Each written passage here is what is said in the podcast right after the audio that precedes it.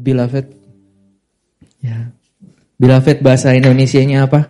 Kesayangan, ya. Jadi coba lihat ke kiri dan kanan kataan, kamu kesayangan Bapak, ya. Jangan lupa kasih love-love-nya, ya. Kamu kesayangan, ya. Kamu kesayangan Bapak, the beloved. Amin, belovednya Allah. Ya, hari ini kita mau lanjutkan pembelajaran kita masuk kepada kualitas murid Kristus yang ketiga. Minggu pertama kita udah bicara tentang bagaimana we are set apart for victory. Teman-teman ingat tumbler bukan ini ya. Ya, bukan ini. Ini nggak ditentukan, ini nggak didesain untuk bisa menahan situasi panas ataupun dingin. Ya, tapi yang ada ada tumbler. Ya, ada kuat. Nah, teman-teman, kamu, kamu ditentukan untuk menang. Kamu dikhususkan untuk menang, kamu diciptakan untuk kemenangan. Amin. Ya. Kemarin kita dengar tentang bagaimana kita masuk di dalam kemenangan itu, kita berjalan, kita hidup di dalam kemenangan itu. Betul ya? Kita belajar bagaimana seperti Kaleb, kita mau sepenuh hati mengikut Tuhan. Nah, hari ini kita mau masuk ke yang ketiga, Ya, judulnya Victory in Grace. Kenapa dari kemarin kita bicara kemenangan, kemenangan, kemenangan terus ini orang Kristen aneh. Ngomong menang, menang, menang, menang. Sampai ada lagunya juga lebih dari pemenang. Betul ya? Dalam segala perkara. Tapi kenyataannya sering kali saya melihat banyak anak Tuhan kemenangannya hanya di dalam nyanyian. Ya, hanya di dalam apa? Kalimat-kalimat di gereja. Tetapi teman-teman, Adakah kemenangan itu benar-benar kita alami? Ya bisa dua hal teman-teman, kenapa kita tidak mengalami kemenangan yang dari Bapak. Satu, karena kita mengukur kemenangan dengan cara yang salah. Kita mengukur kemenangan dengan hal lahiriah. Kita suka pikir menang itu apa? Menang itu kalau menang judi, ya. Menang itu adalah kalau menang debat. Menang itu adalah menang kalau apa?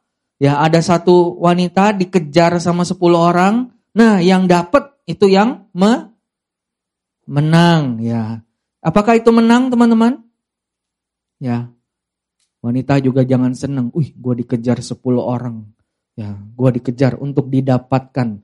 Teman-teman, kamu bukan objek, kamu tuh pribadi, betul ya? Jadi jangan mau gue dikejar-kejar. Ayo, siapa yang cepet, siapa dapat. Siapa yang lebih lebih berani bayar harga, dia yang dapat. Siapa yang lebih bayar uh, makanannya dia yang dapat. Siapa yang lebih berani ngumbar janji dia yang dapat. Teman-teman, coba bilang sama dirimu, kamu bukan objek kejar-kejaran. Kamu pribadi untuk dikenal. Amin. Ih, ragu kayaknya ya. Ya. Ya, yang mengerti mengertilah ya. Lihatlah dirimu sebagai pribadi. Amin. Nah, banyak orang lagi berpikir apa menang tuh kalau apa? Menang tuh kalau dapat pekerjaan tertentu, gaji tertentu. Nah, itu baru menang. Nah, teman-teman, hari ini apakah kemenangan itu seperti itu? Kita percaya, teman-teman, kemenangan yang dari Tuhan tidak dibatasi oleh hal lahiriah. Setuju? Bukan, nggak bisa diukur dari hal lahiriah. Roma 3 ayat 23 katakan gini, teman-teman. Semua orang telah berbuat dosa dan telah kehilangan kemuliaan Allah. Fall short of his glory.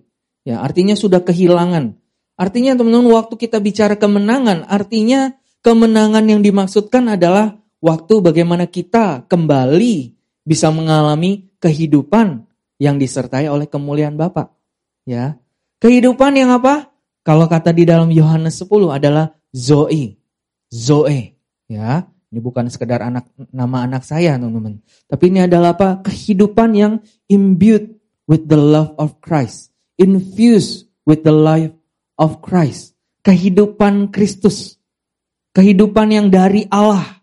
Yang mengalir. Kehidupan Allah itu yang menjadi sumber di dalam diri kita. Teman-teman, menang adalah waktu apa? Kita mengalami bagaimana kehidupan saya bersumber kepada kasih yang tak terbatas. Makanya teman-teman kemenangan yang Bapak sediakan buat hidupmu adalah kemenangan yang gak ditentukan dibatasi oleh situasi.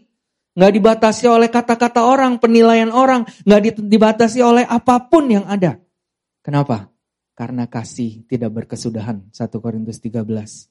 Ya, kasih tidak berkesudahan teman-teman. Apakah engkau rindu engkau punya kehidupan yang seperti itu?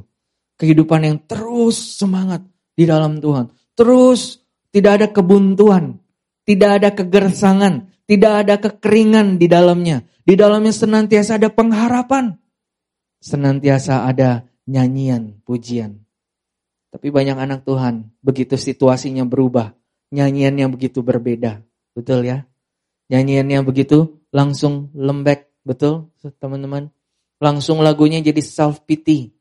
Nah, tapi teman-teman, waktu kita bicara kualitas, termasuk di dalamnya adalah apa? Saya hidup mengambil kemenangan yang dari Bapak ini. Teman-teman mau punya kemenangan yang seperti itu? Mau punya kualitas kehidupan seperti itu? Mau melihat dirimu sebagai orang yang menang? Ya. Banyak lagi orang yang merasa belum bisa menang. Kenapa? Karena dia melihat kemenangan itu masih di sana. Belum di sini. Masih jauh, masih terpisah. Nah, itu yang buat apa? Kebanyakan orang anak Tuhan berpikirnya seperti itu. Aku belum menang, aku belum menang. Makanya selalu apa? Mentalnya mental pejuang, betul ya? Bukan mental pemenang. Nah, itu yang beda, teman-teman. Ya, hari ini kita mau lihat Victory in Grace ini, ya kalau minggu lalu, dua minggu yang lalu tepatnya, saya sedikit sampaikan, ya teman-teman, berjalan dalam kasih karunia ini, kita nggak bisa cuma sekedar positive thinking, betul? Nggak bisa sekedar willpower, nggak bisa sekedar uh, goodwillnya Bapak. Ya, banyak anak Bapak, anak-anak Tuhan, khususnya generasi kedua Kristen, selalu berpikir gini, ya kan Bapak baik, ya Bapak baik, Bapak baik kan, Bapak baik, ya Bapak baik? Ya, aku salah. Ya, namanya Bapak baik. Gue diampunilah. Ya, teman-teman. Dan akhirnya apa? Suka miss. Nggak berdasar. Ya, nggak ngerti kenapa Bapak baik terhadap kita. Teman-teman kau butuh mengerti. Betul Bapak baik. Betul Allah itu baik. Sampai ada lagunya, betul ya? Sebab Tuhan baik, betul kan? Habis itu tarik lagi. Sebab Tuhan baik, ya kan? Memang Tuhan baik. Betul? Tapi Tuhan juga adalah Tuhan yang adil. Amin. Teman-teman, engkau yang suka minta keadilan Tuhan, saya kasih tahu keadilan versi Tuhan. Di hadapan Tuhan, satu dosa, satu, berapa banyak? Satu. Satu dosa cukup untuk menghantar kamu masuk ke dalam maut. Terpisah selama-lamanya dari Tuhan. Satu. Cuma satu aja.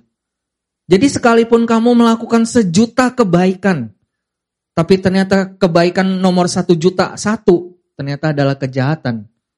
Kamu berhak, kamu Bapak berhak mengirim kamu ke dalam maut, terpisah. Karena dosa itu adalah terpisah dari Allah. Amin. Meleset. Meleset. Nggak pas, nggak masuk, nggak cocok. Betul? Nah, makanya terpisah. Nah teman-teman kau butuh sadar ini. Banyak orang suka berpikir gini, ya Gak apa-apalah, kan kasih karunia.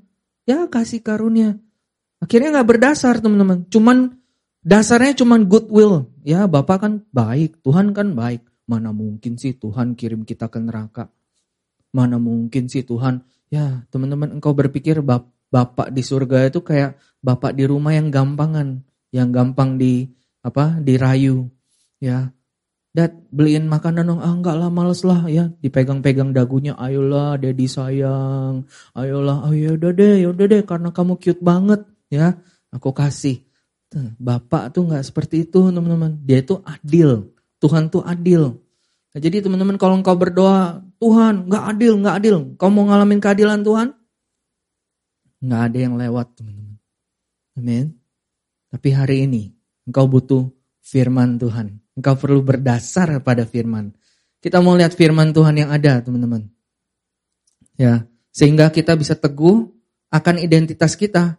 Jadi bukan sekedar apa, teguhnya karena di R&D itu ya semua panggilan diganti, dikasih nama depan, beloved, ya kan? Beloved Nikov, beloved Ferry, beloved Cipei, ya kan? Beloved Cipei, beloved Pay, ya kan? Beloved Clarissa, semua ditambah. Kenapa kamu melihat dirimu beloved? Ya karena di R&D ditambahin. Nggak bisa cuman gitu. Ya, kita butuh firman. Nah, kita mau lihat firman apa yang menjadi dasarnya, teman-teman. Tiga kata, penebusan, pengudusan, dan pembenaran. Yuk, kita baca sama-sama. Satu, dua, tiga.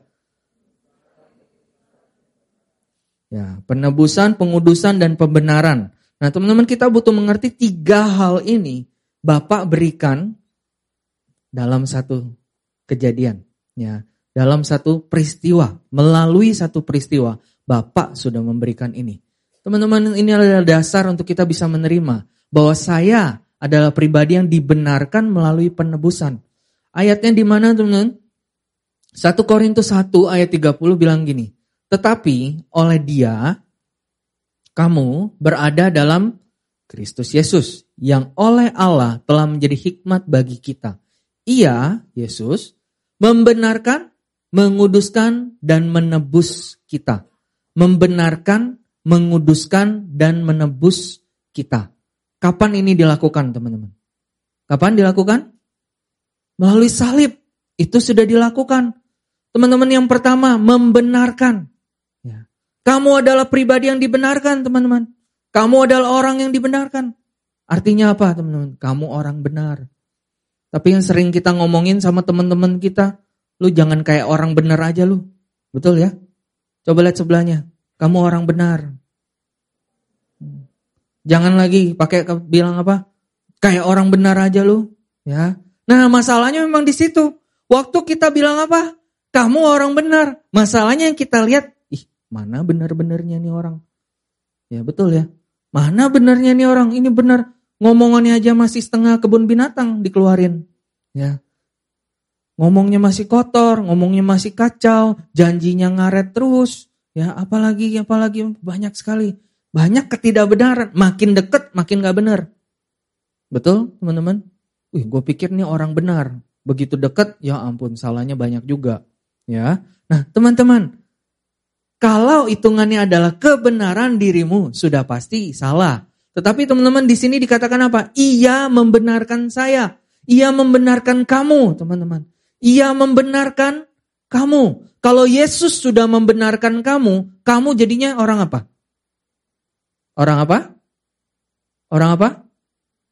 Orang benar. Bilang sebelahnya, saya orang benar. Coba dengan yakin lihat matanya, saya orang benar. Ya, ya benar. Benar nggak teman-teman? Saya orang benar. Saya orang yang dibenarkan. Nah itu lebih tepat. Ya, saya orang yang dibenarkan, saya orang yang dikuduskan, dan saya orang yang ditebus. Ya bahasa Inggrisnya apa? Made righteous. Made righteous. Sudah dijadikan kebenaran. Nah teman-teman, kita sudah set apart, kita sudah dikhususkan, kita sudah dipisahkan oleh Bapak. Dan yang ketiga apa? kita sudah diredeem. Kita sudah ditebus. Kita sudah dibayar lunas oleh darah Yesus. Teman-teman, kalau saya merenungkan tentang salib Kristus, saya baca empat Injil. Hanya satu Injil yang menulis tentang bagaimana Yesus waktu dia haus, dia minta minum. Tapi yang dikasih hanya apa? Air asam, air cuka teman-teman. Ya, vinegar katanya. Haus dia malah dikasih cuka. Teman-teman, kenapa dia lakukan itu? Yohanes tulis dengan jelas sekali. Supaya dia menggenapi kehendak Bapak. Supaya dia menyelesaikan semua janji Bapak. Semua nubuatan tentang Mesias. Yesus sengaja. Dia berkata apa? Aku haus. Dia tahu dia akan dikasih anggur asam. Teman-teman dalam kelelahan, dalam ke kesakitan, dia dikasih cuka. Kira-kira sakit nggak teman-teman? Sakit betul ya? Nah teman-teman dia lakukan untuk engkau dan saya. Dia lakukan untuk engkau dan saya. Teman-teman pernah diperlakukan gak adil? Waktu engkau diperlakukan gak adil dan kau merasa engkau butuh dibela sedikit aja. Sedikit aja dibela. Itu yang Yesus rasakan. Sedikit aja aku dibela. Sedikit aja aku ditolong. Sedikit aja aku dikasih air. Tapi justru yang dikasih adalah vinegar, asam anggur. Tapi dia lakukan supaya dia bisa berkata kalimat berikut. Hanya ditulis di Injil Yohanes. Dia berkata, it is finished. It is finished. Saya percaya teman-teman. Yesus bukan berkata gini, ah, selesai juga. Enggak. Dia enggak enggak lega dalam arti apa? Udah capek, dah. Uh, udah lega. Teman-teman tahu kelegaan itu? Ya, lega, udah tahan, kebelet. Ya, akhirnya pelepasan di kamar mandi. Nah, itu lega. Itu lega, teman-teman. Tapi saya percaya Yesus it is finished, enggak kayak gitu.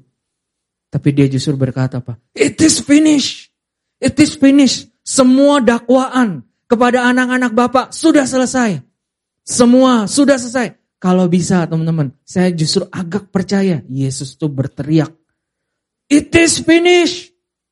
Teriakan dia berdengung sampai hari ini teman-teman supaya anak-anak Bapak hari ini engkau dengar sudah selesai. Semua dakwaan terhadap engkau sudah selesai. Semua tuntutan terhadap engkau sudah selesai. Semua, semua, semua, semua hukuman sudah selesai.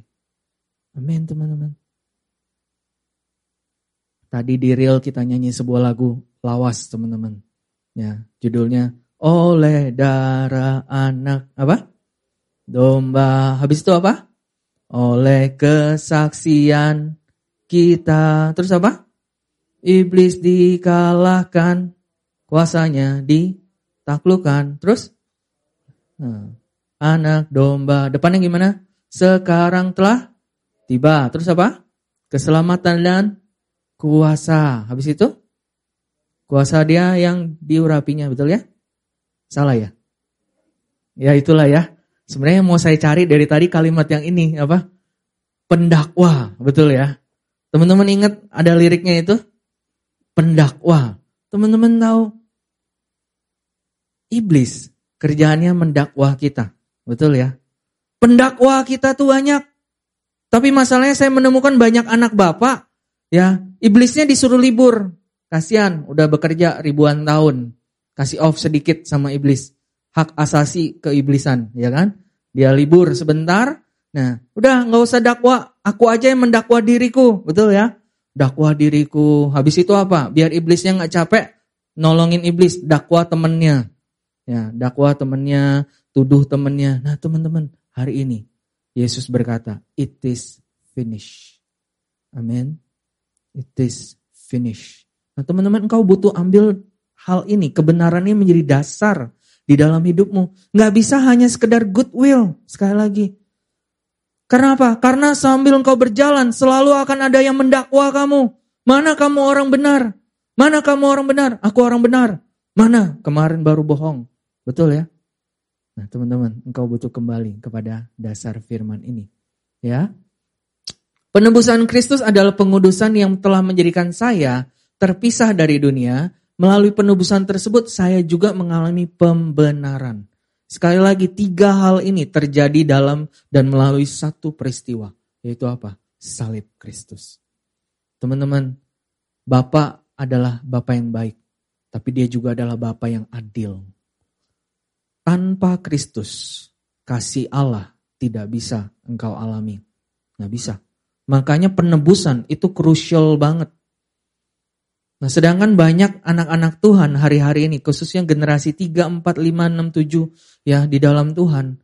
Di Amerika ini lagi pada heboh tentang apa? Progressive Christian. Ini lebih bikin masalah, teman-teman. Karena mereka mencoba menghumanize kekristenan.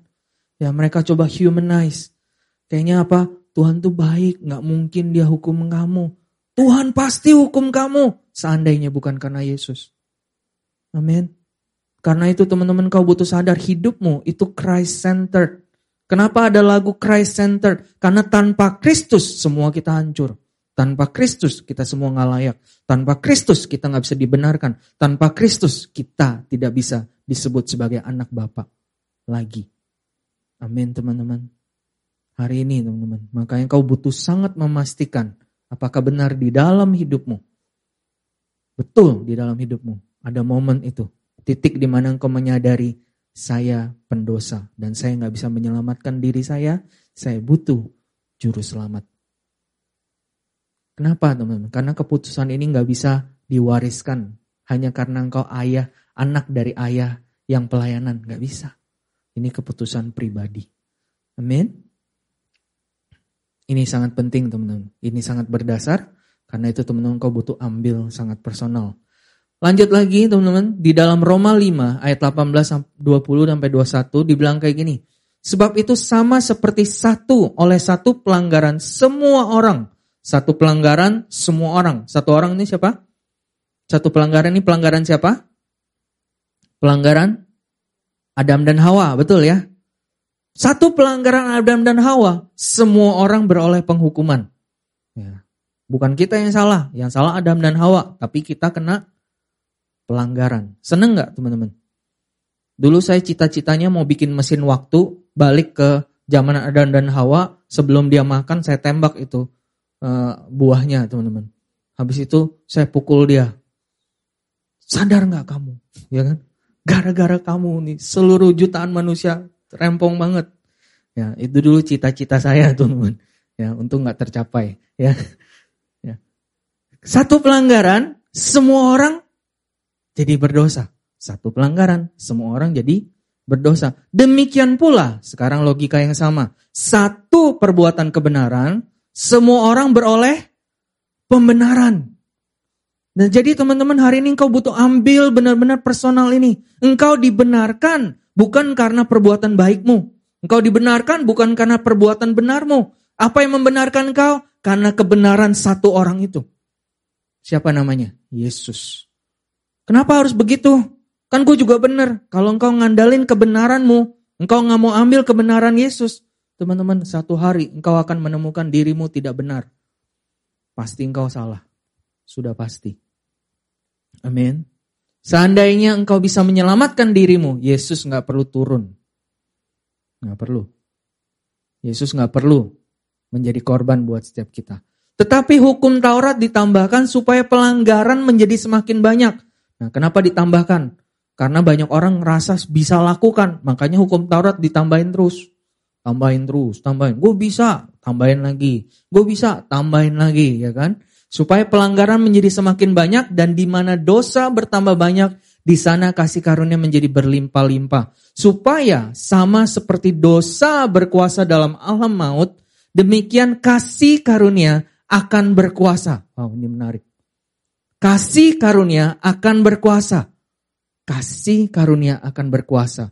Tapi kebanyakan dari anak-anak Tuhan tidak pernah melihat kasih karunia berkuasa di dalam hidupnya. Teman-teman coba tanya dirimu, apakah kasih karunia berkuasa atas hidupmu? Efek nggak kasih karunia dalam hidupmu?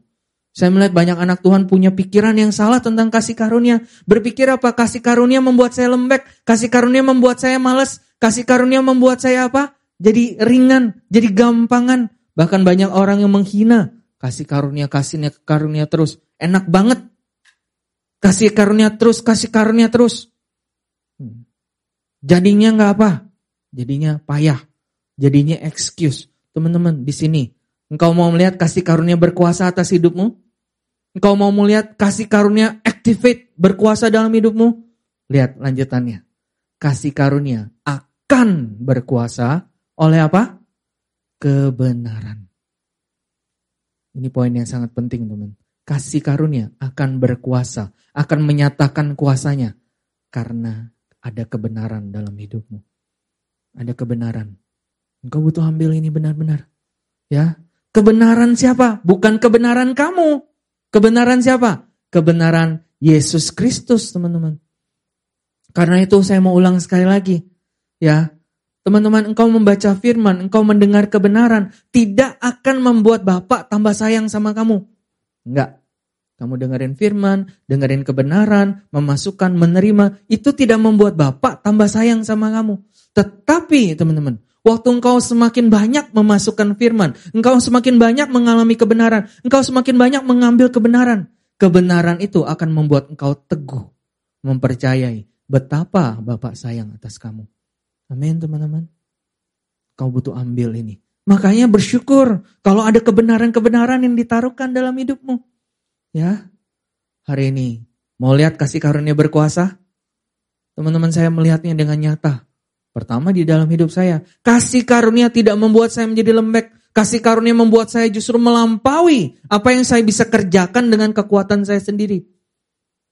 Teman-teman, hari ini engkau butuh mengalami itu. Bagaimana? Engkau butuh banyak kebenaran. Kebenaran yang saya terima adalah berdasarkan kebenarannya Yesus bukan kebenaran saya, bukan pembenaran saya. Apalagi apa pembenaran dari orang lain.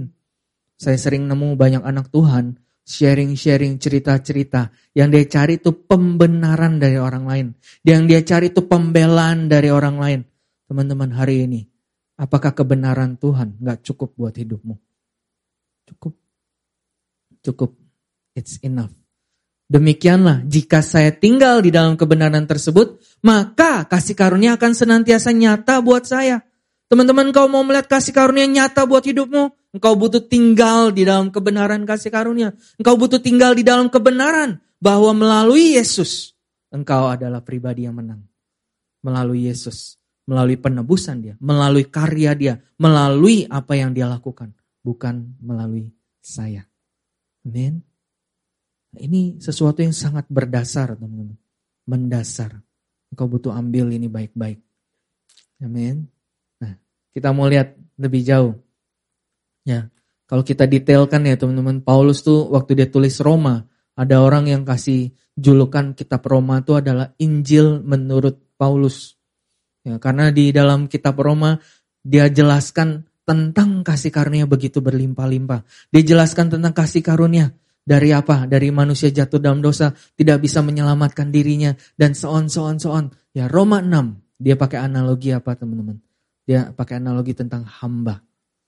Hamba. Nah kita mau belajar hari ini Roma 6. Mungkin ke depan ke depan ada Roma 7, Roma 8 kita bisa detailkan. Ya, tetapi hari ini kita Roma 6. Sebab kamu tidak akan dikuasai lagi oleh dosa karena kamu tidak berada di bawah hukum Taurat tetapi di bawah kasih karunia. Katakan di bawah kasih karunia. Hmm. Jadi bagaimana? Apakah kita akan berbuat dosa karena kita tidak berada di bawah hukum Taurat, tetapi di bawah kasih karunia? Nah, sering nggak dengar pertanyaan ini, teman-teman? Sering nggak dengar pertanyaan dan tuduhan gini? Eh, jadi gimana? Buk kasih karunia, kasih karunia terus. Kalau nggak dikasih tahu nanti salah. Kalau dikasih nggak dikasih tahu nanti ngelunjak. Kalau nggak dikasih Taurat, nanti dia kacau. Teman-teman, ya sering nggak berpikir kayak gitu teman-teman. Harus dikasih tahu, harus dikasih tahu, harus dikasih tahu hukum Tauratnya, harus dikasih tahu protokolnya, harus dikasih tahu harus begini dan begitu. Tapi teman-teman, semua itu hanya bawa kita jatuh dalam dosa. Paulus begitu yakin, dia bilang apa? Sekali-kali tidak. Tidak. Justru kalau engkau di bawah kasih karunia, kalau engkau menaruh dirimu di bawah kasih karunia, under grace, grace will lift you up. Grace will lead you. Grace will apa? Menuntun kamu, guide you. Grace with apa? Will bring your life to the fullness of Christ. Amin teman-teman. Kasih karunia justru akan menolong hidupmu. Saya suka pakai analogi ini teman-teman. Seandainya engkau mau pergi ke satu tempat dan engkau ada dua pilihan. Yang satu, engkau membawa satu kertas isinya petunjuk untuk engkau bisa pergi ke tempat itu. Dan yang kedua, pilihannya adalah apa? Enggak ada kertas petunjuk, yang ada adalah orang. Dia ngerti betul jalannya, dia tahu betul bagaimana mencapai ke sana. Saya mau tanya, mana yang kau pilih? Mana yang kau pilih? Kertas atau orang? Kertas. Siapa yang bilang or kertas? Siapa yang mau kertas? Gue gak butuh dia, gue butuh kertas doang. Nah itu you are under law. Engkau apa? Engkau mengandalkan kekuatanmu. Engkau berpikir engkau bisa. Engkau cuma butuh petunjuk sedikit dari Tuhan. God give me just a sign. Eh, cuma butuh tanda sedikit. Engkau gak pernah berdoa minta, Bapak aku butuh engkau. Engkau cuma minta tanda. Engkau cuma bilang, udah Kasih tahu gue aja, aku bisa lakukan. Wow, hukum Taurat, betul kan? Farisi, betul? Nah, teman-teman kembali. Waktu engkau dapat kertas petunjuk itu, masalah engkau sampai kepada tujuan itu tergantung sama siapa? Tergantung sama ketaatan pribadimu, betul ya? Tapi teman-teman, kalau sekarang yang kau pilih adalah orang, engkau butuh tahu semuanya enggak teman-teman? Engkau butuh tahu habis ini belok mana? Engkau butuh tahu nanti 10 langkah di depan akan ketemu apa? Enggak, engkau hanya butuh mengikut dia. Engkau hanya butuh mengikut si orang itu. Sama seperti itu teman-teman. If you are under grace, you only need to follow him. Engkau hanya butuh mengikut dia. Kau hanya butuh mengikuti tuntunan dia. Kau hanya butuh mengikuti kehadiran dia di dalam hidupmu. Amin teman-teman. Nah di situ dikatakan apa lagi? Apakah kamu tidak tahu bahwa apabila kamu menyerahkan dirimu kepada seseorang sebagai hamba untuk mentaatinya, kamu adalah hamba orang itu yang harus kamu taati. Baik dalam dosa yang memimpin kamu kepada kematian maupun dalam ketaatan yang memimpin kamu kepada kebenaran. Tetapi syukurlah kepada Allah, dahulu memang kamu hamba dosa, Katakan dahulu, dahulu. Ya, dahulu kamu hamba dosa, ya. Tetapi sekarang kamu dengan segenap hati telah mentaati pengajaran yang telah diteruskan kepadamu. Kamu telah dimerdekakan dari dosa dan menjadi hamba kebenaran. Katakan hamba kebenaran. Kamu adalah hamba kebenaran. Prinsipnya adalah gini teman-teman, kalau engkau menjadi hamba dari seseorang, engkau mau nggak mau harus ikut maunya dia. Setuju? Nah dulu, dulu, dulu tuh kapan? Sebelum engkau ada dalam Kristus. Sebelum engkau menerima penebusan Kristus. Betul, kamu adalah hamba dosa. Makanya dosa yang mengatur kamu. Dosa yang atur kamu harus dosa, harus bohong. Dosa yang ngatur kamu harus berontak, harus, harus, harus, harus. Dan rasanya engkau nggak bisa keluar dari itu. Tetapi sekarang melalui Yesus kamu adalah hamba kebenaran. Amin teman-teman. Nah ini kita mau lihat lebih jauh. Hamba kebenaran. Aku mengatakan hal ini secara manusia karena kelemahan kamu. Sebab sama seperti kamu telah menyerahkan anggota tubuhmu menjadi hamba kecemaran dan kedurhakan yang membawa kamu kepada kedurhakaan. Demikian hal kamu sekarang harus menyerahkan anggota-anggota tubuhmu menjadi hamba kebenaran yang membawa kamu pada pengudusan. Sebab waktu kamu hamba dosa, kamu bebas dari kebenaran. Dan buah apakah yang kamu petik daripadanya? Semuanya itu menyebabkan kamu merasa malu sekarang. Banyak malu gak teman-teman? Kalau kita lihat ingat masa lalu kita. Waktu kita ingat masa lalu kita di luar Tuhan, aduh malu banget. Aduh, sampai hari ini gue masih bawa penyesalan, masih bawa konsekuensi, masih bawa apa? Ya akibat dari kesalahan dan dosa masa lalu, betul ya? Ya, Nah, tapi sekarang, sekarang teman-teman, setelah kamu dimerdekakan dari dosa dan setelah kamu menjadi hamba Allah, kamu beroleh buah yang membawa kamu pada pengudusan dan sebagai kesudahannya ialah hidup yang kekal. Sebab upah dosa ialah maut, tapi karunia Allah ialah hidup yang kekal dalam Kristus Yesus, Tuhan kita. Sekali lagi teman-teman, kemenangan adalah waktu kita menghidupi kehidupan yang infused dengan kehidupan Kristus. Kehidupan yang kekal. Kehidupan kekal itu bukan nanti di surga. Kehidupan kekal itu dari sekarang. Kehidupan kekal itu kehidupan yang digerakkan oleh hal-hal yang kekal. Kehidupan yang digerakkan oleh apa? Kasih yang kekal, kebenaran yang kekal. Nah itu adalah kebenaran hidup kekal teman-teman. Nah kita mau ambil tiga poin teman-teman. Hidup di dalam kemenangan oleh kasih karunia. ya hidup, bagaimana kita mengalami hidup ini. Di dalam kehidupan yang seperti ini, ya yang pertama saya menyatakan dosa tidak berkuasa lagi atas saya. Boleh kita baca sama-sama? Satu, dua, tiga. Sekali lagi yuk, satu, dua, tiga. Lebih yakin lagi, satu, dua, tiga. Lebih mantap lagi, satu, dua, tiga. Katakan pada dirimu satu dua tiga. Yang percaya katakan. Amin. Teman-teman percaya dosa nggak lagi berkuasa atas hidupmu? Amin. Amin. Bagus teman-teman. Dan benar. Wah, nggak ada kalimat sanggahan yang kak. Nggak ada. Dosa memang tidak lagi berkuasa atas hidupmu teman-teman. It is finished. Sudah selesai.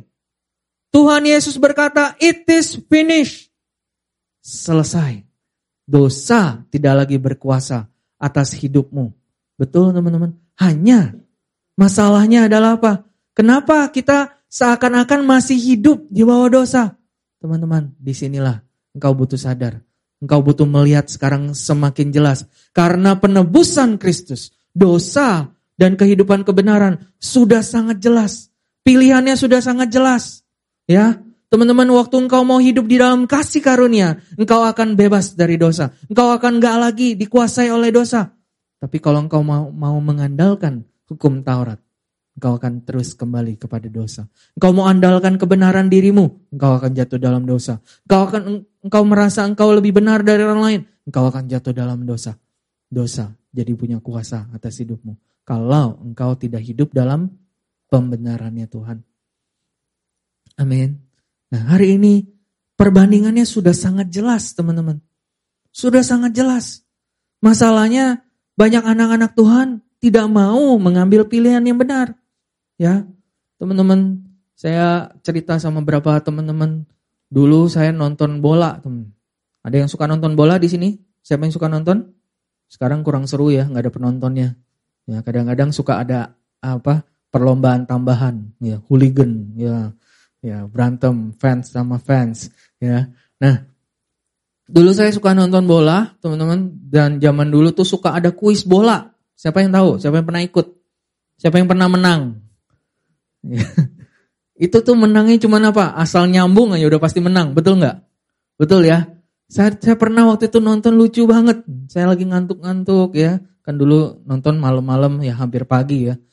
Nonton waktu nonton teman-teman ya ada kuis bola presenternya, ya kan? Ada passwordnya segala, ya karena rekaman saya nggak bisa sebut merek teman-teman.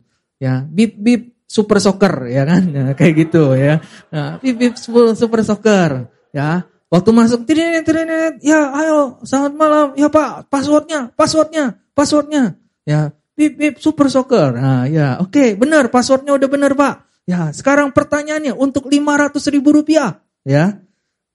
Pertanyaannya apa? Siapa yang tadi mencetak gol untuk klub yang ini? Ya, apakah si A Ferry, ya B David, ya teman-teman ini contoh aja. Saya lupa dulu pemainnya siapa. Nah, jawaban yang benar adalah David, ya. Tapi teman-teman, waktu ditanya, ayo pak, jawabannya apa? Saya hitung sampai tiga, sebut jawabannya. Satu, dua, tiga, Ferry. Waduh, ya betul ya. Wow, Ferry uh, salah uh, yakin Pak jawabannya Ferry ya. Jangan Pak coba pikir-pikir dulu. Yakin nggak jawabannya? Bener nggak jawabannya Ferry? Bener saya yakin banget Ferry. Jawabannya tadi dia ngegolin itu hebat banget ya pemain kesukaan saya. Uh, iya sih pak nggak peduli ya tapi tapi bener emang itu jawabannya. Coba pikir-pikir pak. Bener bener. Coba tadi bapak nonton sama siapa? Sama anak saya. Dan coba tanya anaknya dulu pak Coba bener nggak yang ngegolin tuh Ferry? Jangan-jangan David pak? Ya, ayo coba coba tanya dulu, ya kan? Tanya, benar katanya Ferry. Wah, ditambah bingung presenternya kan? Ya, tambah bingung. Udah pak, coba tanya tetangga, tanya tetangga. Nah, pokoknya teman-teman intinya apa? Obvious banget. Sampai satu waktu saya pernah lihat ya, presenternya udah habis habis sampai habis akal. Dia bilang, "Pak, saya bantu Bapak deh. Saya bantu Bapak." Jawabannya itu David. Ayo pak, ayo pak. Jadi jawabannya very lu keterlaluan bener-bener. Ya bener-bener keterlaluan ya. Ya tahu teman-teman. Seringkali kita gitu sama bapak. Kita gitu sama bapak. Coba teman-teman perhatiin. Semua pilihan yang bapak kasih ke kita. Semua sebenarnya udah obvious gak sih? Kalau kamu mau hidup menang dari dosa. Hidup di bawah kasih karunia. Bahkan Tuhan berkata apa? Kamu pasti dapat kamu bisa. Ayo, aku udah mati buat kamu. Ayo, ambil itu. You can. Kamu bisa. Tapi lucu, kita sering lagi apa? Nggak mau. Kita nggak mau itu. Lebih suka jawabannya yang lain. Betul ya? Nah teman-teman hari ini lihatlah dirimu. Ya, hari ini pilihannya sangat jelas. Teman-teman engkau mau menjadi hamba dosa atau hamba kebenaran? Ya semua juga tahu mau jawabnya hamba kebenaran, betul ya? Tapi teman-teman, pertama, kau butuh lihat apa? Benar nggak engkau uh, memilih itu? Kau menetapkannya di hatimu? Atau sering kali engkau banyak berasa gini, ah dosa itu kuat banget. Ya ampun, dosa itu ya powerful banget loh. Susah banget menang dari dosa. Siapa yang merasa seperti itu? Siapa yang merasa menang dari dosa itu susah? Gak berani angkat tangan ya. Ya, amin. Ya, teman-teman luar biasa. Amin ya. Kalau gitu saya sangat percaya teman-teman udah waktunya revival. Waktu segini banyak anak-anak Tuhan, semua menang dari dosa. Semua menang, menang tanpa dakwaan, tanpa tuduhan.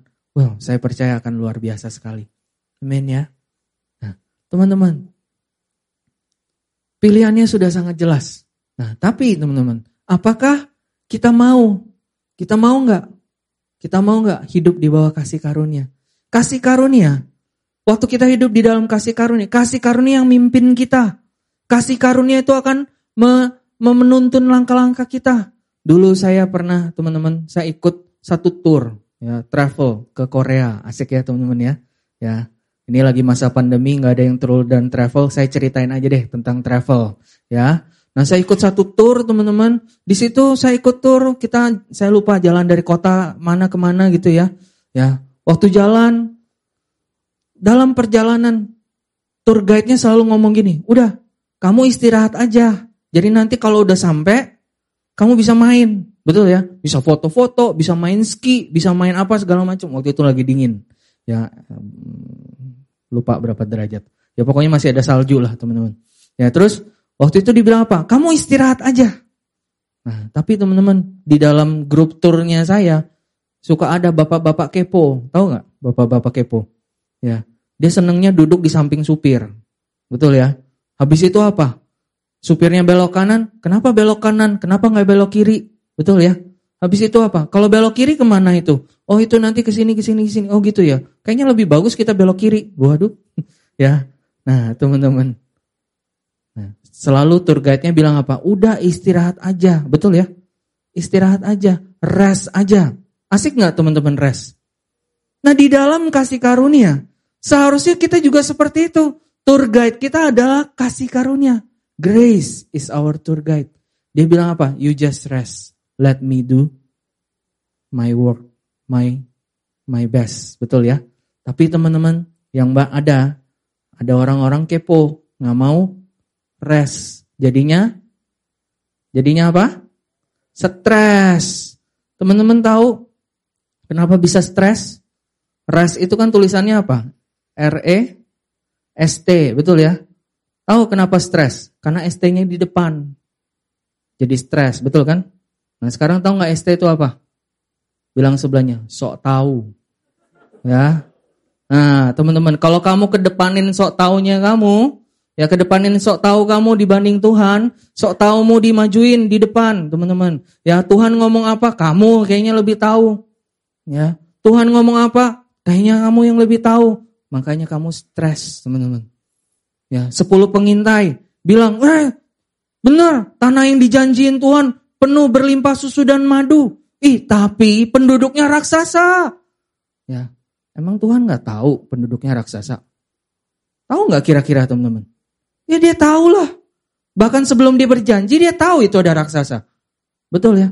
Tapi kita cuman sok tahu. Saya sering pemuritan, ada orang yang cerita, kok begini, begini, begini. Dengan semangat diceritakan. Satu jam dia cerita teman-teman. Habis itu saya kasih firman.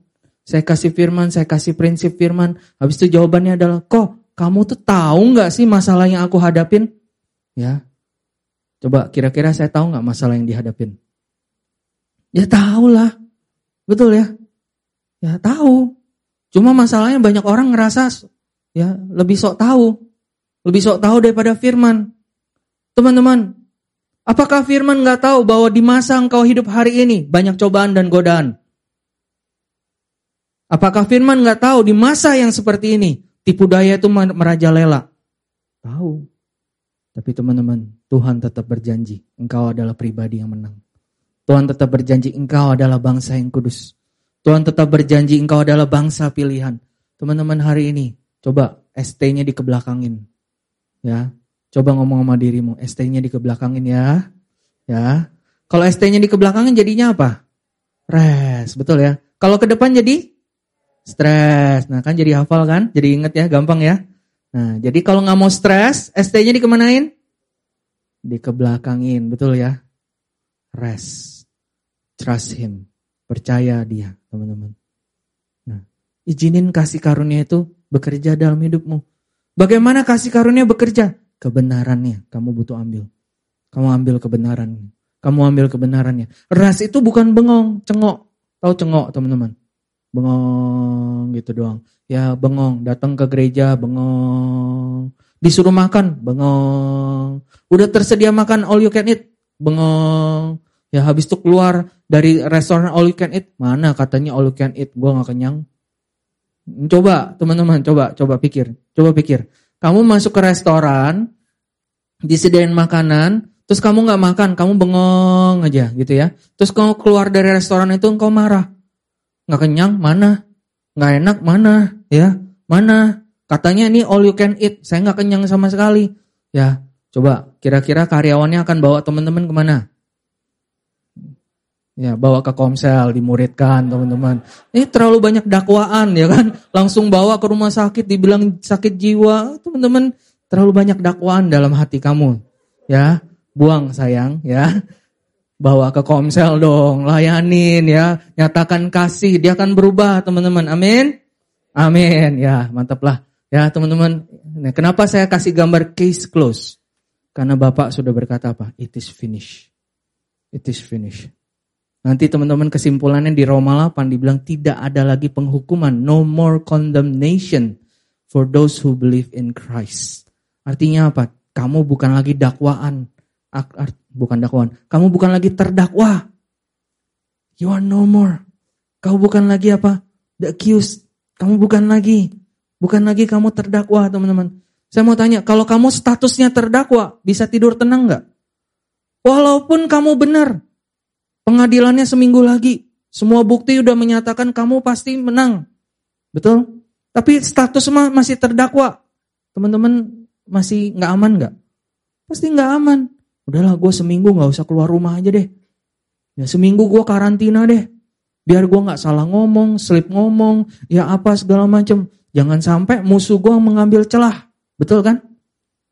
Tapi di dalam Kristus, kamu bukan terdakwa lagi sayang kamu adalah orang yang merdeka. Kamu orang yang menang. Amin. Amin. Nah, kita butuh ambil. Dibilang apa? Case close. It is finished. Ya. Karena itu bilang sebelahnya, jangan buka-buka kasus terus ya. Ya, pemuritan buka kasus terus. Kok kasusnya dibuka ya? Ya, ada isu apa? Nah, buka lagi kasusnya, buka lagi kasusnya, buka lagi kasusnya. Apalagi teman-teman di usia segini, ya, suka banyak buka kasus. Buka kasus bagaimana menilai diri sendiri, ya, menilai, menilai, menilai. Karena di usia kalian kan, ya katanya lagi mencari jati diri ya, betul ya. Lagi mencari who am I. Ya, nggak apa-apa teman-teman jawab who am I-nya. Jangan who am I-nya belum kejawab, who is she. Nah itu salah teman-teman. Kenal diri aja belum bisa, udah mau kenal orang lain. Ya, who am I? Kenali jati diri. Habis itu apa? Wah, mau kenal ke mau dikenal diri, Cara kenal diri terbaik, tanya siapa teman-teman? Tanya siapa? Tanya Tuhan. Lihat hidupmu under grace. Menurut kasih karunia, kamu siapa? Tapi saya sering banyak nemu anak Tuhan, lebih suka nyari assessment. Betul ya? Saya nggak against assessment-assessment teman-teman. DISC, MBTI, dan segala macam. Sekarang lagi ada suka apa? Enia, apa? Enneagram. Ya, betul ya? Apa sih itu? Ya, pokoknya gitulah. Orang tuh dinilai dari angka 0 sampai 9. Kamu berapa? 13. Wih, beda lagi. Ya kan? Nah, teman-teman. Nah, diukur-ukur semua kayak gitu. Saya nggak against itu, teman-teman. Hanya saya sering temukan adalah apa? Banyak orang memakai semua itu menjustify diri dia. Menjustify kelemahan dia. Menjustify bahkan dosanya dia. Ih, gua mah orang introvert. Jadi sorry ya bro, gue orangnya nggak suka keramaian. Itu Tuhan ciptakan kamu untuk untuk bersosial teman-teman. Tuhan ciptakan kamu untuk apa? Kasih, kasih tidak mungkin sendiri. Oh gue gue gue bisa sih, gue gue bisa uh, kasih. Cuman gue terbatas aja. Introvert itu ya, gue cuma butuh sama orang tertentu bro. Tahu orang tertentu ini kayak gimana? Ya kira-kira yang kayak gue gitulah. Ya, bilang sebanyak gue ngerti yang dimaksud Kualung. Ya, gue tahu siapa yang kayak gitu. Ya, coba coba bilang sebelahnya, gue tahu yang kayak gini. Ya, nah teman-teman, habis habis itu menilai lagi apa? Ih, gue kalau orang orang menurut menurut assessment ini, gue orangnya nyablak. Kalau ngomong ceplos-ceplos, itu kelebihan gue. Karena, karena gitu kalau lu mau temenan sama gue, lu harus kebal bro. Ya, coba kalau deket-deket gue pakai rompi anti penilaian. Ya, karena gue pasti menilai lu. Gue sorry ya, gue ngomong pasti pedes bro. Karena gue diciptakan seperti ini. Enggak teman-teman. Ingat, semua ada pene, penebusan. Engkau dalam Kristus. Engkau tidak boleh dibatasi oleh semua itu. Amin. Under grace.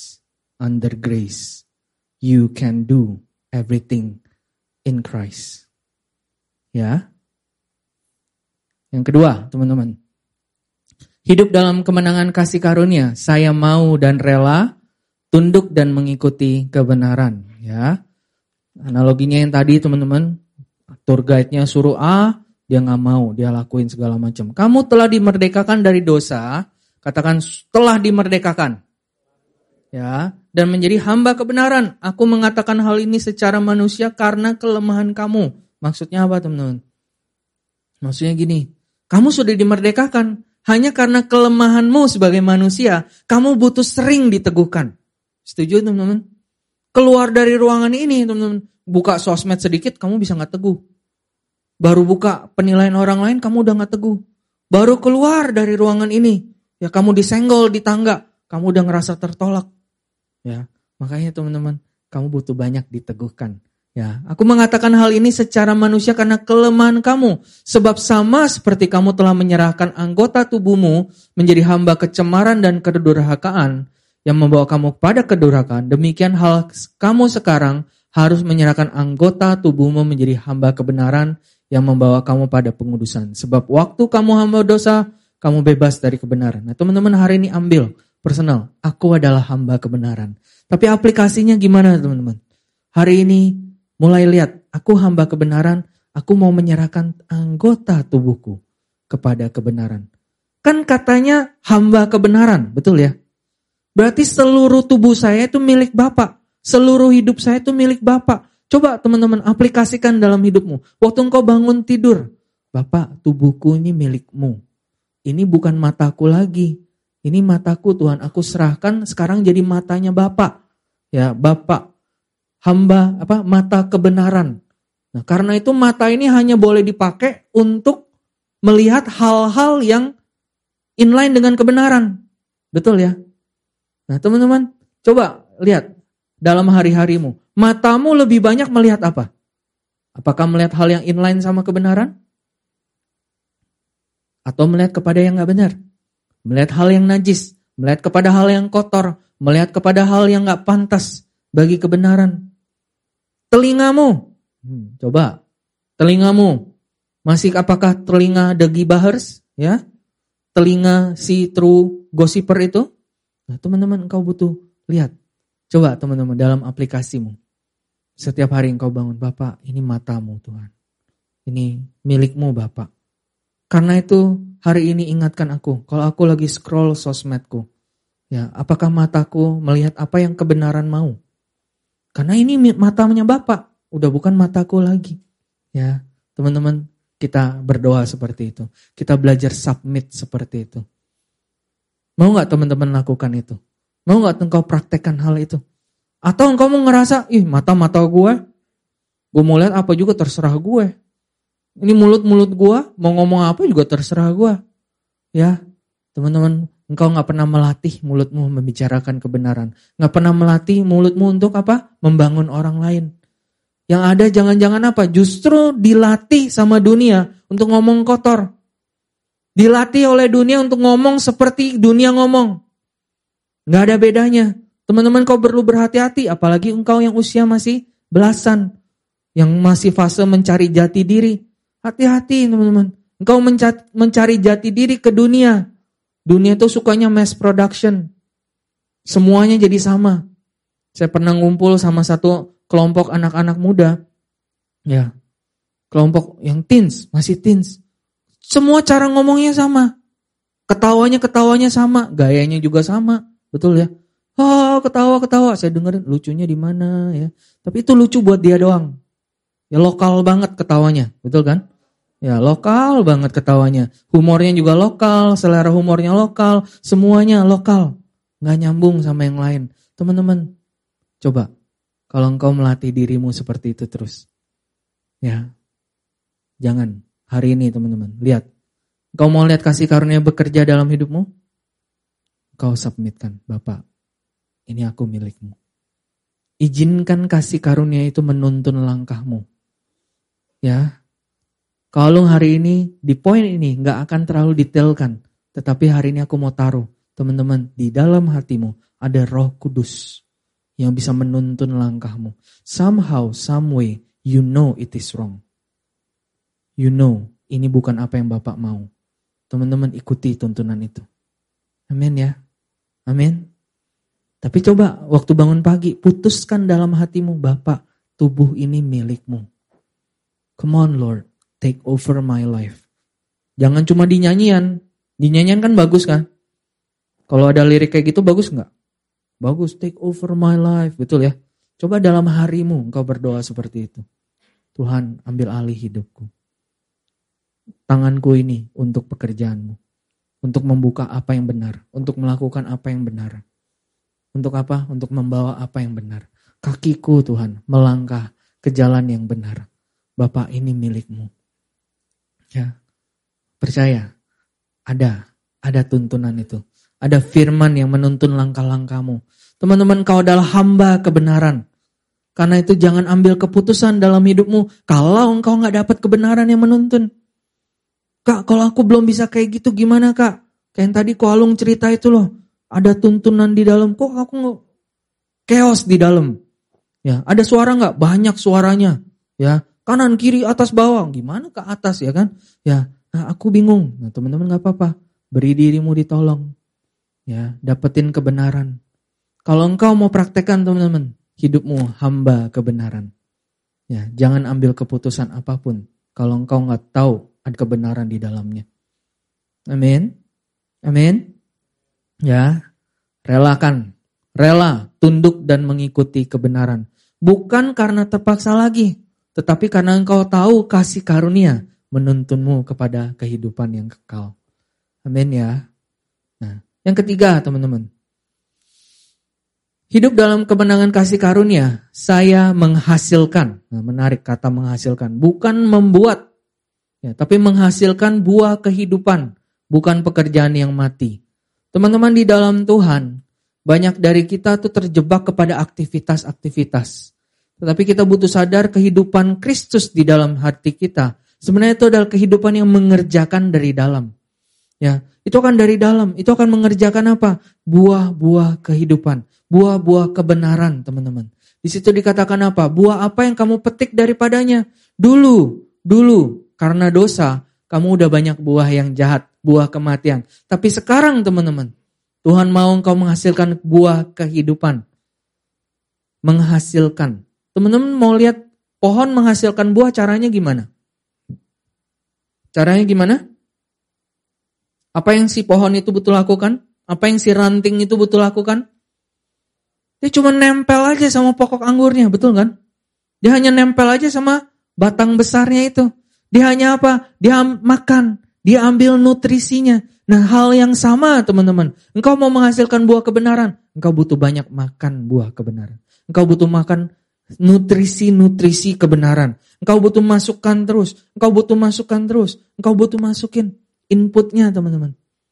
Nah waktu engkau mengambilnya, mengambilnya, mengambilnya, teman-teman engkau akan dioccupied dan engkau akan apa? Engkau akan menghasilkan buah, buah kehidupan. Bukan pekerjaan yang mati. Teman-teman kau butuh hati-hati, pekerjaan pelayanan aja itu bisa jadi pekerjaan mati loh. Kalau engkau follow up orang, engkau melayani orang, engkau melakukan, engkau berkorban, bahkan engkau memberi uang kepada orang. Tapi teman-teman, engkau lakukan dan di satu titik engkau nggak dihargai, engkau marah. Engkau benci, engkau kesel. Teman-teman, itu artinya pekerjaan yang mati. Tapi kalau itu adalah dari Tuhan, ya coba lihat, ada nggak pohon yang ngambek, nggak mau berbuah lagi? Ih ngambek ah, buahnya diambil terus, nggak dimakan sendiri lagi, udah nggak mau berbuah lagi. Ada yang kayak gitu? Nggak ada, teman-teman. Buah kehidupan akan terus mengalir.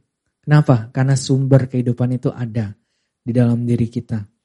Amin ya teman-teman. Nah, jadi waktu kita bicara kualitas teman-teman. Kualitas ini lahir dari waktu kita terus teguh mengambil kehidupan dari Kristus. Karena itu teman-teman hari ini, lihatlah dirimu. Ada kehidupan Kristus di dalam hatimu juga. ya. Ayat untuk meneguhkan kita. Ya, kalau tadi kan di ayat yang ke 21 ya. Kamu malu. Ya, buah yang lalu kan malu, betul ya? Karena kamu banyak salah, buahnya adalah sekarang konsekuensi, penyesalan. Nah ini ayat untuk meneguhkan kita teman-teman. Ya, Aku akan memberikan kepadanya kebun anggurnya dari sana dan membuat lembah Akor menjadi pintu pengharapan. Maka dia akan merelakan diri di sana seperti pada masa mudanya, seperti pada waktu dia berangkat keluar dari tanah Mesir. Bahasa Inggrisnya dibilang gini, I will give her her vineyards from there and the valley of Akor as a door of hope. She shall sing there as in the days of her youth. Menarik teman-teman, gak usah terlalu pusing tentang uh, ini tentang apa, siapa dan segala macam, tapi kita mau ambil personal. Teman-teman waktu kita ngomong soal akor, teman-teman ingat kalau engkau ada dalam pemuritan, ada satu bahan ya ngebahas tentang satu orang namanya akan. Teman-teman ingat akan? Nah, akan arti namanya siapa? Apa? Trouble. Artinya akan itu troublemaker. Nah, akor itu dari kata yang sama. Lembah masalah. Lembah trouble. Dan teman-teman kau betul melihat. Ya, waktu itu akan apa yang terjadi? Dia melakukan pelanggaran. Dia bikin masalah. Dia biang kerok. Betul ya? Dan akhirnya apa? Bangsa Israel melihat bagaimana keluarganya ditelan sama muka bumi ini. Nah, itu disebut lembah akor, teman-teman. Tapi menarik Bapak tuh luar biasa. Di tempat di mana orang melihat ada penyesalan, di tempat di mana orang melihat ada kesalahan, di tempat di mana orang melihat yang ada hanyalah konsekuensi, yang dilihat adalah condemnation, yang dilihat hanya ah di titik itu tuh orang salah. Teman-teman hari ini ada lembah akor dalam hidupmu. Waktu engkau melihat masa lalumu, banyak lembah akor, banyak penyesalan, banyak kesalahan, betul ya? Tapi teman-teman lihat janji Tuhan. Justru di lembah itu, Bapak menjadikannya pintu pengharapan. Di tempat di mana ada penyesalan, tapi justru Bapak taruhkan situ adalah door of hope. Door of hope. Wow, luar biasa sekali. Bahkan di situ dikatakan apa? Bahasa Indonesianya, dia akan merelakan diri di sana. Merelakan diri. Tapi bahasa Inggrisnya saya suka banget. Dibilangnya, she shall sing there. Wow, teman-teman. Kalau engkau dalam dakwaan, engkau dalam penyesalan, engkau sulit menyanyi, betul ya? Tetapi teman-teman, waktu engkau diberdekakan, engkau berpengharapan, akan banyak nyanyian baru yang muncul dari hatimu. Saya perhatikan teman-teman engkau di tempat ini. Kadang-kadang engkau menyanyi aja susah. Kenapa teman-teman? Jangan-jangan engkau banyak dikondem. Jangan-jangan engkau banyak didakwa. Halo nyanyi, apalagi lagunya Kudus, kudus, kudus. Ya ampun gua gak kudus. Gak berani gua angkat tangan. Tangan gua kemarin baru ngelakuin hal yang salah. Teman-teman, hari ini di titik di mana engkau ada penyesalan, justru adalah pengharapan. Ada pengharapan. Dan aku berdoa di dalam nama Yesus. Kembali ada nyanyian dari hatimu. Kembali ada nyanyian pengharapan dari hatimu. Ada kebangkitan dari dalam hatimu. Amin teman-teman. Sesuai dengan janji Tuhan di Yoel 2. Dikatakan apa? Aku akan memulihkan kepadamu tahun-tahun yang hasilnya dimakan habis. Tahun-tahun yang hilang. Teman-teman ngerti gak sih? Ya, misalnya ini adalah titik saya lahir. Dan saya berjalan, saya melakukan kesalahan, kesalahan, kesalahan. Ini banyak konsekuensi, betul ya? banyak penyesalan. Nah, saya sampai di sini, saya menerima penebusan dari Tuhan. Dan Tuhan berjanji, tahun yang hilang, Tuhan akan kembaliin. Tapi menarik teman-teman. Ternyata Tuhan gak cuma kasih tahun yang hilang. Tuhan juga menyediakan masih tahun-tahun yang akan datang. Karena di situ dikatakan apa teman-teman? Maka kamu akan makan banyak-banyak. Katakan banyak-banyak. Dan menjadi kenyang. Nah, banyak orang makan banyak gak pernah kenyang nggak pernah puas, nggak pernah apa satisfied di dalamnya loh teman-teman, bukan di luarnya.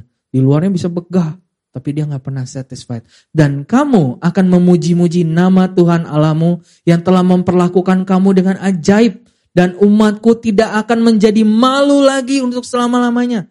Teman-teman, do you need that kind of life? Yang nggak lagi penuh dengan shame, nggak lagi penuh dengan rasa malu, tuduhan. Tetapi apa di situ dikatakan? Kamu akan mengetahui bahwa aku ini ada ada di antara orang Israel dan bahwa aku ini Tuhan adalah Allahmu dan tidak ada yang lain dan umatku tidak akan menjadi malu lagi untuk selamanya. Dua kali Tuhan berjanji. Dua kali Tuhan berkata, no more shame. Tapi justru apa teman-teman? Dia akan mengembalikan glory di dalam hidupmu. Di dalam wahyu dikatakan apa teman-teman? Mereka menyanyikan satu nyanyian baru katanya. Nyanyian baru nyanyian baru. Engkau layak menerima gulungan kitab dan membuka materainya. Karena engkau telah disembeli dan dengan darahmu. Engkau telah membeli bagi mereka. Telah membeli mereka bagi Allah. Engkau sudah dibeli teman-teman. Engkau sudah lunas. Engkau sudah dibayar. Case close. Kamu sudah dikasihi. Ya. Dan dikatakan apa? Dari tiap-tiap suku dan bahasa dan kaum dan bangsa. Dan engkau telah membuat mereka menjadi suatu kerajaan. Menjadi imam-imam bagi Allah kita. Dan mereka akan memerintah sebagai raja di bumi. Teman-teman, apakah engkau mau aminkan ini? Bukan hanya Tuhan memulihkan tahun yang hilang, tetapi Tuhan siap membawa engkau mengalami glory to glory. Dia siap membawa engkau mengalami kehidupan yang gak hanya berhenti kepada dirimu sendiri. Mungkin kau duduk di tempat ini usiamu belasan dan kau berpikir hidupmu hanya sejauh nanti kamu punya pekerjaan baik, punya keluarga yang baik, dan nanti punya anak cucu sudah selesai. No, Tuhan menentukan engkau. Engkau akan menjadi terang bagi bangsa-bangsa. Amin teman-teman. Engkau menangkap hal ini. Ya. Sebagai orang yang dibenarkan, saya bukan hanya menerima kemenangan dan mengalami tahun-tahun hidup yang hilang digantikan dan setiap kekelaman dipulihkan. Namun Bapak juga mau membawa saya masuk dalam kemuliaan yang sudah disediakan bagi bangsa-bangsa. Teman-teman, kemenangan apa yang dari Bapak? Bapak mau teman-teman, engkau dimuliakan bersama dia sampai kepada bangsa-bangsa. Engkau perlu mengerti hidupmu ditentukan, hidupmu menentukan nasib bangsa-bangsa. Terlalu kecil nggak teman-teman? Waktu engkau memikirkan dirimu terus. Terlalu kecil. Itu tipu daya dari iblis. Tapi engkau butuh apa? Engkau butuh banyak melatih dirimu. Engkau butuh submit kepada kebenaran. Engkau butuh izinkan kasih karunia menuntun langkahmu. Engkau butuh ganti kebiasaan yang lama dengan yang baru. Engkau butuh melatih dirimu kebenaran tuntun langkahku. Amin teman-teman. Lihat hidupmu. Kehidupan yang dari Kristus ini akan membuat engkau berbuah-buah. Amin. Kita bangkit berdiri. Hari ini kita akan ambil perjamuan kudus. Sebuah momen yang sangat baik teman-teman untuk kita personalkan apa yang dibagikan hari ini. Saya minta para pemimpin boleh bagikan ya. Mari engkau personal hari ini. Dimulai dari yang pertama teman-teman. Maukah engkau hari ini case close?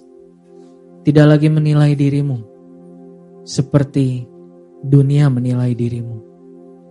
Kau hari ini melihat dirimu, ya kamu salah, ya kamu kacau, ya kamu banyak gagal, ya, ya, betul teman-teman.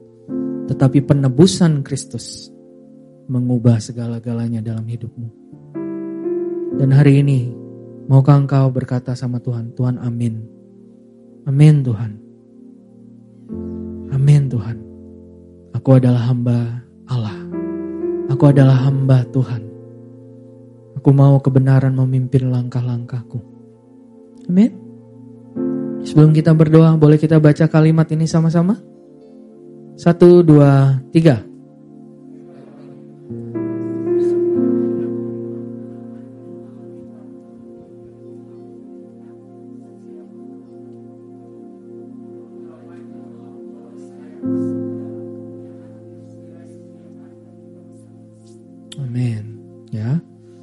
Siapa engkau?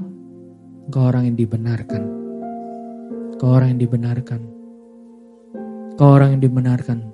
Teguh kepada kebenaran ini teman-teman. Tidak ada situasi yang bisa menggagalkan siapa kamu di hadapan Tuhan. Hari ini mungkin kau mengalami kesukaran. Mungkin seperti lembah akor.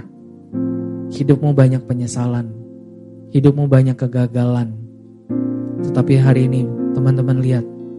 Bahkan di titik di mana banyak kegagalan dan penyesalan. Lihat, di situ ada salib Kristus.